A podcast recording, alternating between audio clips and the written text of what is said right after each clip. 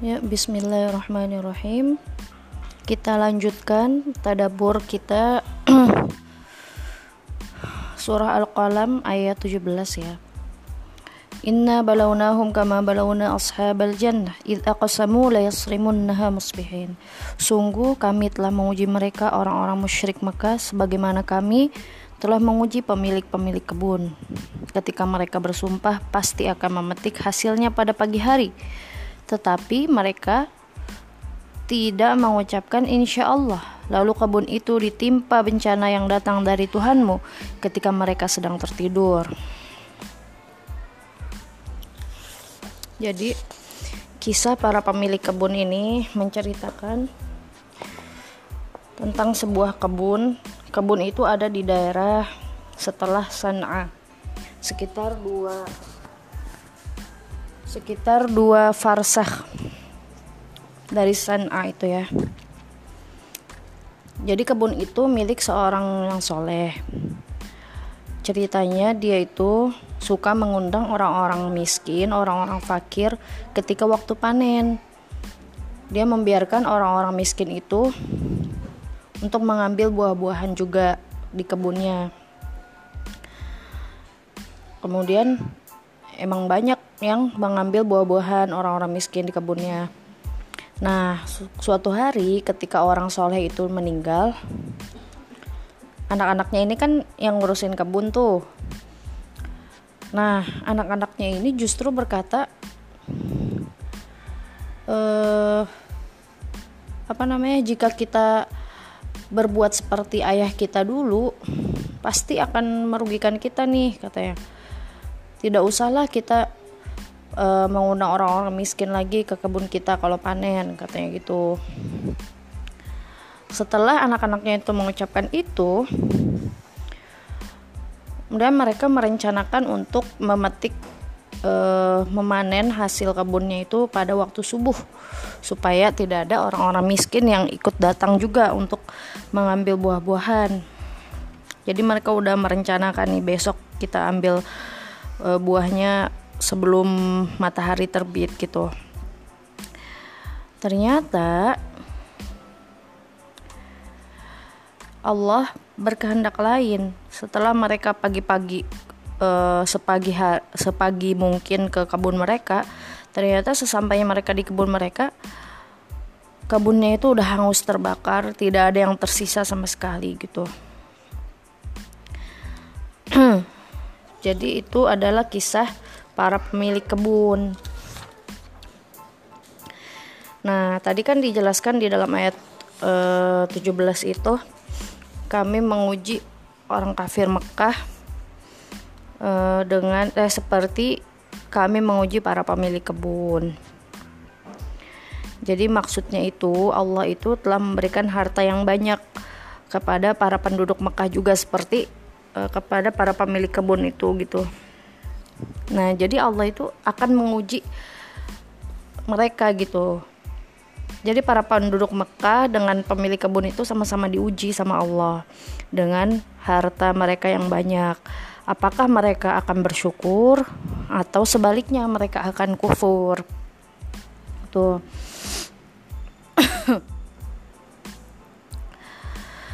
uh, jadi itu ya yang kisah hikmah dari para pemilik kebun itu yang disamakan dengan ujian terhadap uh, orang kafir Quraisy di Mekah ya.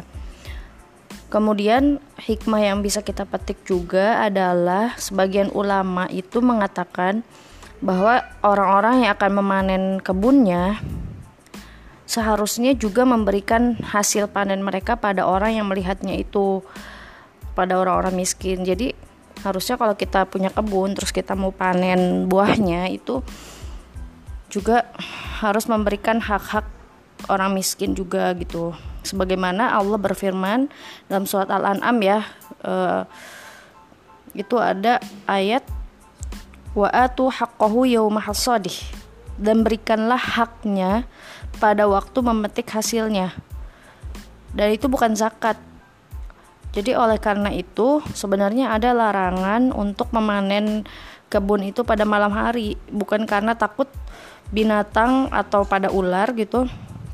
Tapi uh, itu menghalangi orang-orang miskin untuk ikut memetik uh, ke, uh, panen hasil kebun itu ya. Jadi uh, ada hak orang-orang miskin dalam harta kita gitu. Kemudian hikmah yang ketiga uh, bahwa kita itu harus senantiasa mengucapkan insya Allah dalam apa-apa rencana kita. Karena seorang manusia ini uh, mereka tuh punya tekad punya rencana punya keinginan tapi ternyata uh, Allah itu yang sebaik-baik pengatur. Allah itu maha pengatur segalanya dan maha berkehendak gitu. Jadi pengaturan manusia ini sebenarnya berada dalam kehendak Allah gitu. Jadi kita sebagai manusia harusnya kalau kita punya rencana atau punya uh, planning gitu kita harus mengucapkan insya Allah apabila Allah berkehendak gitu. Jadi kisah kisah pemil, para pemilik kebun tadi salah satunya juga kenapa kebun mereka itu bisa hangus terbakar. Maksudnya Allah yang melenyapkan kebun mereka itu karena mereka lupa mengucapkan insya Allah. Kan wala yastasnun. Wala yastasnun itu artinya dan mereka tidak uh, mengucapkan insya Allah. Mereka melupakan uh, kalimat insya Allah gitu dalam rencana mereka. Walaupun memang tadi rencananya rencana buruk ya. Mereka ingin berpagi-pagi berpagi hari gitu memetik hasil kebun mereka sebelum orang-orang miskin itu pada datang gitu.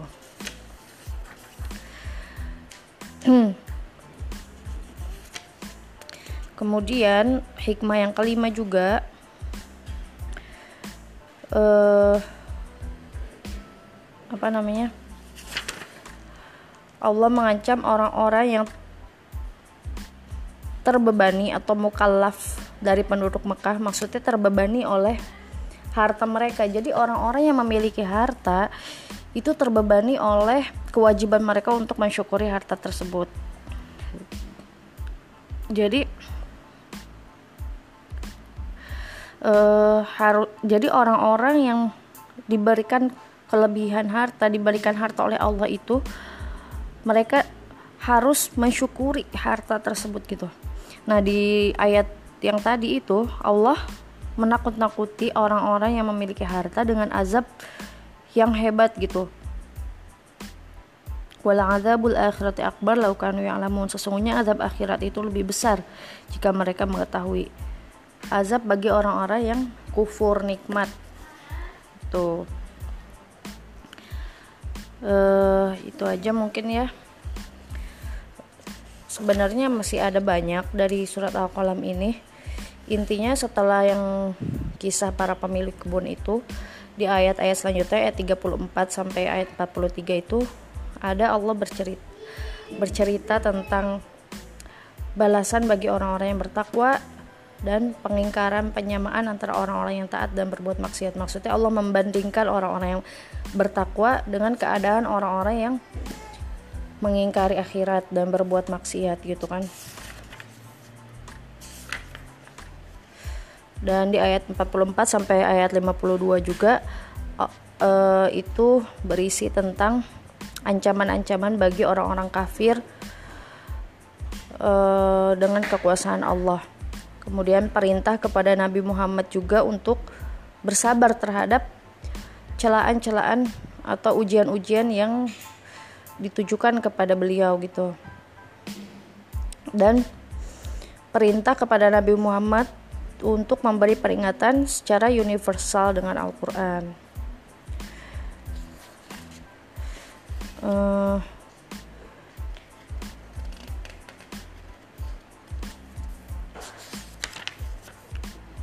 jadi maksudnya uh, universal ini artinya Al-Quran ini adalah sebuah uh, mawa'idhah nasihat dan peringatan bukan hanya kepada manusia tapi kepada seluruh alam kepada jin kepada seluruh alam yang ada di alam ini gitu jadi bukan hanya kepada bangsa, bangsa manusia saja tapi kepada bangsa jin juga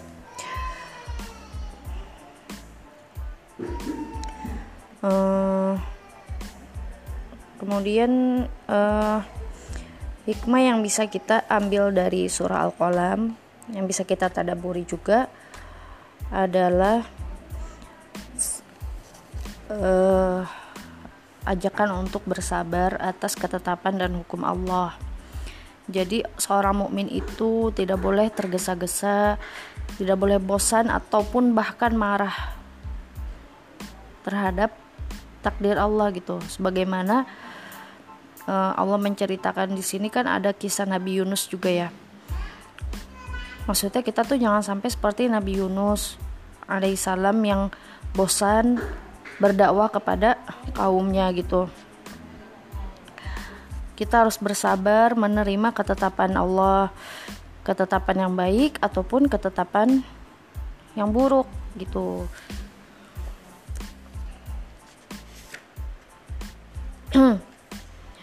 uh,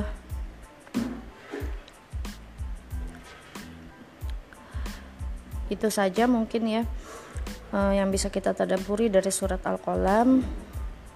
Uh, jadi selama tiga hari ini tafs, uh, tadabur Al-Qalam ini Ana ambil referensinya dari tafsir Al-Munir karya Profesor Dr.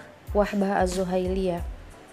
Mungkin kalau misalnya ada yang punya referensi lain misalnya dari tafsir Fizilalil Quran atau uh, yang lainnya bisa sama-sama share juga ya yang baik pastinya sumbernya adalah dari Allah. Sedangkan yang hilaf atau kesalahan-kesalahan itu ada pada diri saya sendiri gitu ya.